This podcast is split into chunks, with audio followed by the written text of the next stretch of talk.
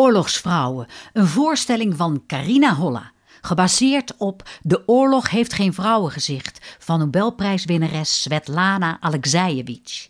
Zij interviewde 300 Russische vrouwen over hun ervaringen in de Tweede Wereldoorlog. Vrouwen, vaak meisjes nog, die in 1941 de oorlog ingingen om hun land tegen Hitler te verdedigen. Partizanen, piloten van gevechtsvliegtuigen, mechaniciens en scherpschutters. In plaats van bruiden werden ze soldaten.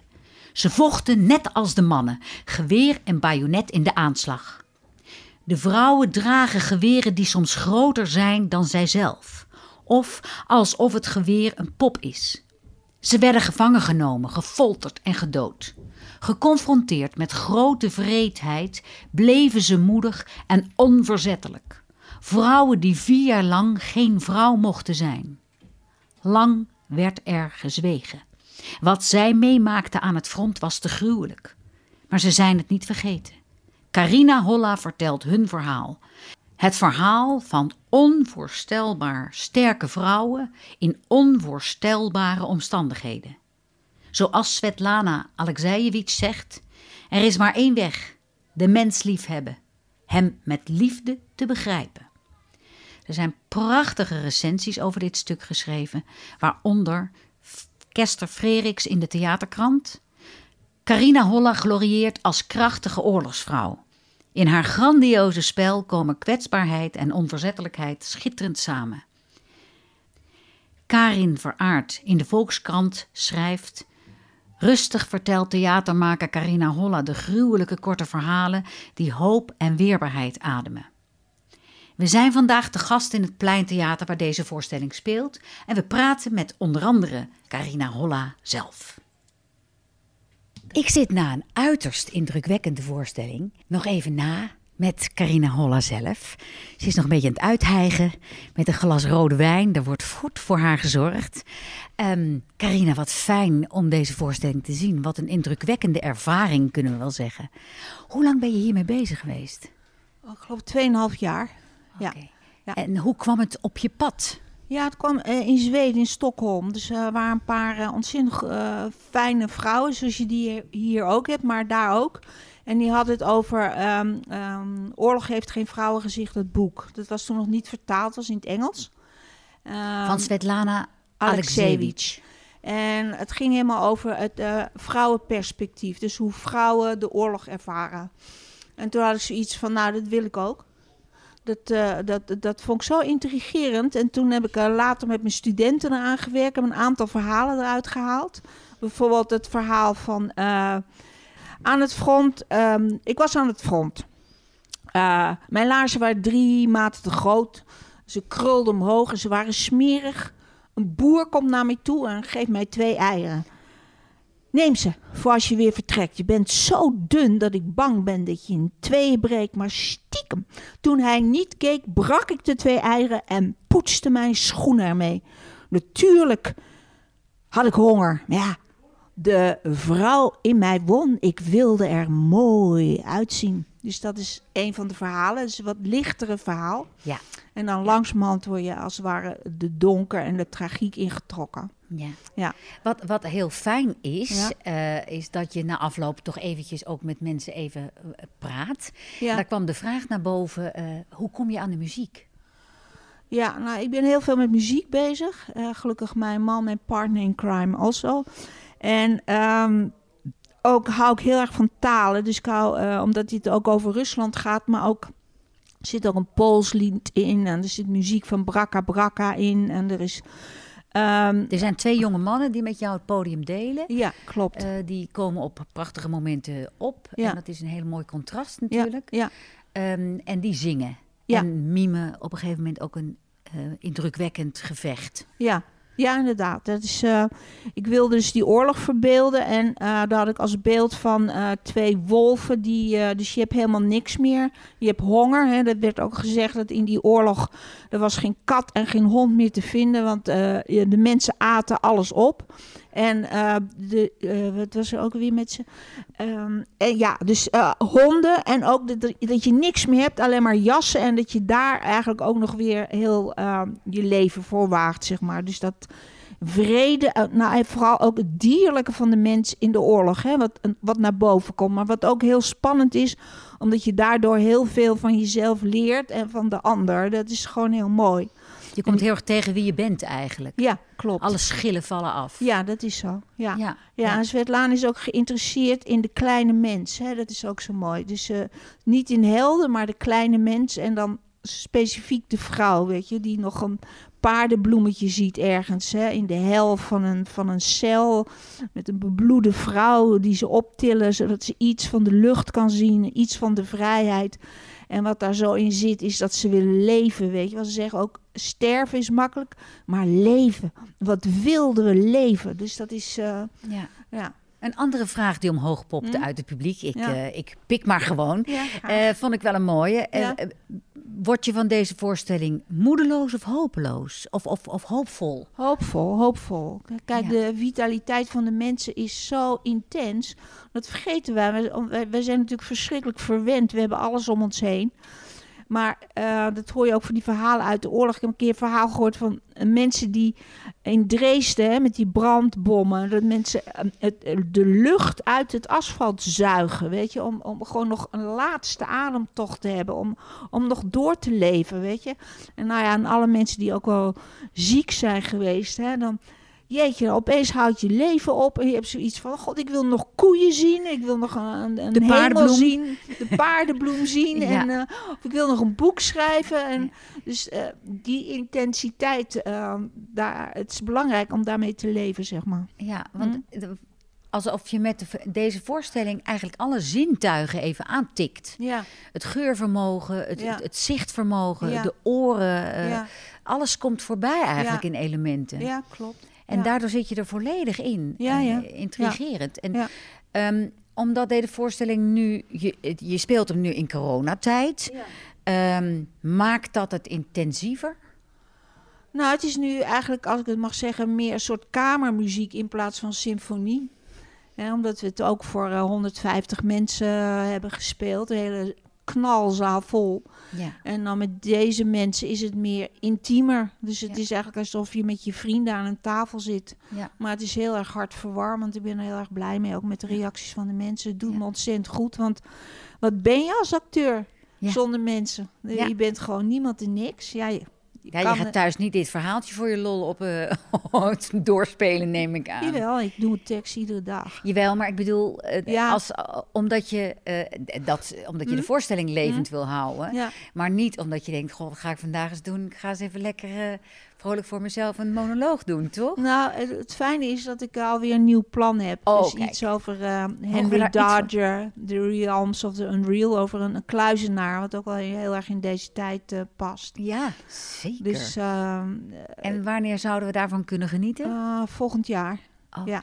Ja. ik ben ook alweer met mensen bezig aan het casten en een script aan het schrijven. En eh, ja, dat is wel heel fijn. Ik dacht, ja, we moeten gewoon, weet je, er moet gewoon een deur open. Hè? Dus een- een lichtstraal moet er in de duisternis komen. En dat is gewoon een nieuw idee. Dus ik heb samen met mijn partner de hele zomer daaraan gewerkt. Ook aan deze tekst. Ook de tekst in het Engels. En dan ook aan het nieuwe idee. Nou, dat klinkt heel hoopvol. Ja. Laten we daarmee eindigen. En Ja. dank je wel voor je tijd. En Ja. eh, heel erg nieuwsgierig naar een nieuwe voorstelling. Ja, en, en, en vergeet niet dat we de voorstelling nog veel spelen. Hè? Ja, Dus jullie we spelen gaan tot naar Corso deze, hè? en eh 22, 23 spelen we hem in eh, CC Amstel. We spelen hem in de toneelschuur in het Stad Schouwburg één keer, Groningen. wanneer in de CC Amstel? CC Amstel 22 en 23 april. Kijk, En op Vrouwendag in Lux. En, eh, dus eh, we hebben nog zeker 15 à 20 voorstellingen. En we willen hem zeker tot 2022 nog doorspelen. Als er belangstelling voor is. nou, dat denk ik zeker. En eh je hebt een hele overzichtelijke website, dus daar kunnen mensen ook alle informatie vinden. Ja. En eh, nou, nogmaals dank voor je tijd Ja, en ja, heel dank. veel tussen aanhalingstekens plezier met spelen, ja, want verhalen moeten verteld worden. absoluut.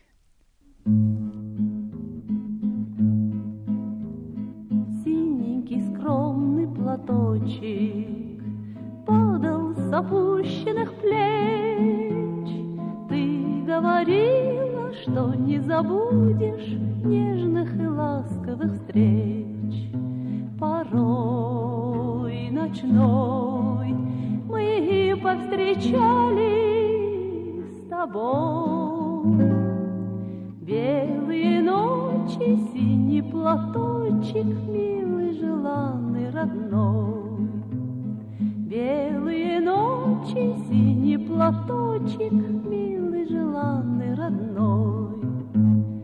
Кончилась зимняя стужа, даль голубая ясна, Сердце согрето, верится в лето, солнцем ласкает весна.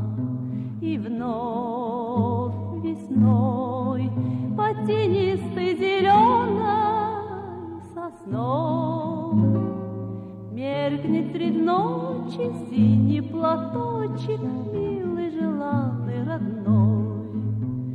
Меркнет средь ночи синий платочек, милый, желанный,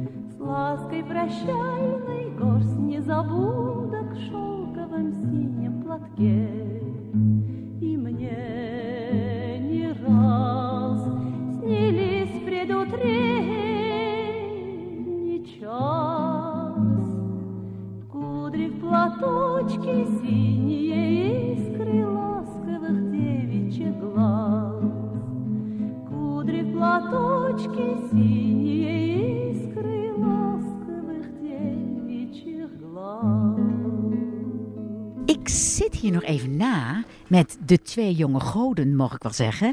De twee mannelijke zangers van de voorstelling. Ehm, jouw naam is? Eh, ik ben Rowan Kivits. Oké. En jij bent? Ik ben eh, Roman Brasser. Oké. En jullie zingen muziek eh, gekozen door Carina of hadden jullie inspraak? We hadden zeker inspraak. Eén nummer wat ik zong, dat heb ik ooit heel lang geleden op school voor iets gezongen. En dat zag Carina. En eigenlijk was dat de reden waarom ze mij gevraagd had. Ze zei, Hè, ik wil heel graag dat je dat in mijn voorstelling komt doen. Dus dat was al iets wat, ja, wat ik eigenlijk zelf gekozen had. En wat Carina zei, dit past Dat heel was goed. het uh, Wailied? Ja, ja, van Ah, oké. Weill, Ja. ja. En daarna hebben we eigenlijk een beetje samen... Dus Carina kwam met dingetjes muziek aan, wij met dingetjes. En zijn we een beetje gaan kijken van wat kunnen wij met die muziek. Ehm, en zo is dat eigenlijk een soort samenspraak wel gegaan. Ja, Ja. Ja. En jij? Jij zingt op een gegeven moment Ehm, ja, op het einde een, een prachtig eh eh falset een lied. countertoernooi. ja. Countertenor, ja. Ja, ja ehm, dat is van Vivaldi. Dat eh, heb ik ook zelf uitgekozen, samen met Carina dan wel. Eh, ik heb Die moest het goedkeuren tijdens mijn- Ja, die moest natuurlijk. het goedkeuren. Oké, oké, oké. Ja. Eh, ik heb, Was je gelukkig met de keuze? Ja, ja, ja. Dit was dit je favoriet? Ja. Ja, zeker, ja. Ja. ja. Ja. want de andere waren wat harder en wat feller. En deze was toch wat kwetsbaarder. En dat vond ik fijn Ja, om ook mooi. wat eh, te onderzoeken. Ja. Ja. Ja. Hoe kijken jullie aan tegen dit verhaal, de oorlog vanuit een vrouwelijk gezichtspunt, mag ik wel zeggen? Ja, eh, dat was voor ons ook heel nieuw, denk ik. Wij, wij waren niet, of ik was in ieder geval niet, maar bewust van dat zoveel vrouwen ook in de Tweede Wereldoorlog hebben gestreden voor de vrijheid. Eh, dus dat was echt ja, een eye-opener. En die verhalen waren zo, ehm, zo kwetsbaar en zo, zo heftig. Ik heb echt tijdens de, de eerste lezing, daar mochten we bij zijn, ehm, eh, ja, echt wel even moeten slikken. En misschien wel een traantje gelaten. En schrok je ervan? Ja, ik schrok er heel erg van. Ja. Jij ook? ja, tuurlijk. Ja, het is echt iets waar ik nog nooit van had gehoord. En dat ik echt dacht, oh, wat is dit? En ik vind het daardoor ook wat menselijkere verhalen of zo. Mannen, denk ik dat die of meer verdrukken... of dat die het niet zo makkelijk daarna ook nog dit soort ervaringen zullen delen. En ook zoiets als wat in de voorstelling zit over een, een baby... die op een gegeven moment moet worden verdronken. Ja, dat zijn echt wel, Ja. echt wel heel gruwelijke dingen... Een hele nare spoiler alert doe je nu. Ja, ja, Maar- ja. In beide, in beide opzichten. Maar goed, het is inderdaad een heel indrukwekkend eh, moment. Ehm, ehm, wat, wat eh, jij in het nagesprek ook zei, Carina, is eigenlijk wat je wel meer ziet, is dat het gegeven. Nee, nee, ik eh, kom ook even, blijf even bij jullie. Het gegeven dat wij eigenlijk in de geschiedenisboekjes te weinig te horen krijgen over het feit eh, hoe groot het aandeel was van de Russen. Hebben jullie dat ooit op school meegekregen? Eh, ik heb wel meegekregen dat het niet alleen de Amerikanen waren. Ook Canadezen. Ook de. Canadezen, ja De zeker. Engelsen. Ja, ja, de Fransen, ja. Maar ook de Russen. Ook de Russen, ja. Dat zat, ja. Vijf landen of zo kreeg ik door. Dat, Ja, ja, dat maar ze 30 sowieso de geallieerden... Nee, zeker niet de grote mate. Maar ik denk dat ze sowieso op een middelbare school... een beetje voorzichtig zijn met al dit soort details. Dan willen ze toch graag het een soort educatief doeleinde geven. Dus ze geven zo even een nummertje of even... Ja. Maar zijn ze eerder geïnteresseerd in de politiek... en niet zozeer in, in dit soort menselijkheid. Dat- Maar we horen het verder eigenlijk ook niet. Ja, je had van die mooie filmbeelden van dat je, eh, weet je wel, die Russen zo aan het dansen waren. Dus dat was in Berlijn, samen met de, eh, met de geallieerden. En dat was zo ontroerend. Ook omdat je wist dat er ondertussen de Koude Oorlog alweer werd voorbereid. Hè?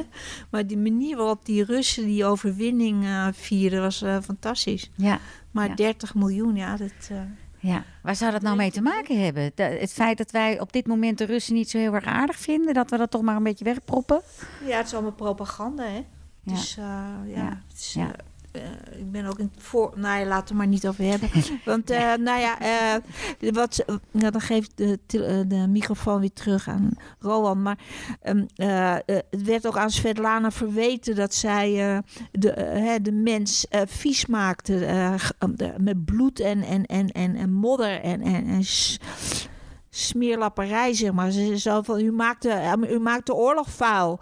Weet je, u de maakt oorlog geen, ooit schoon kan ja, zijn. u maakt geen helden ervan. En eh, ja, het- dat heeft zij gewoon doorgezet. Hè? Dus het heeft ook te maken met censuur. En onder andere het verhaal van de baby. Dat mocht er eigenlijk niet in van de censuur.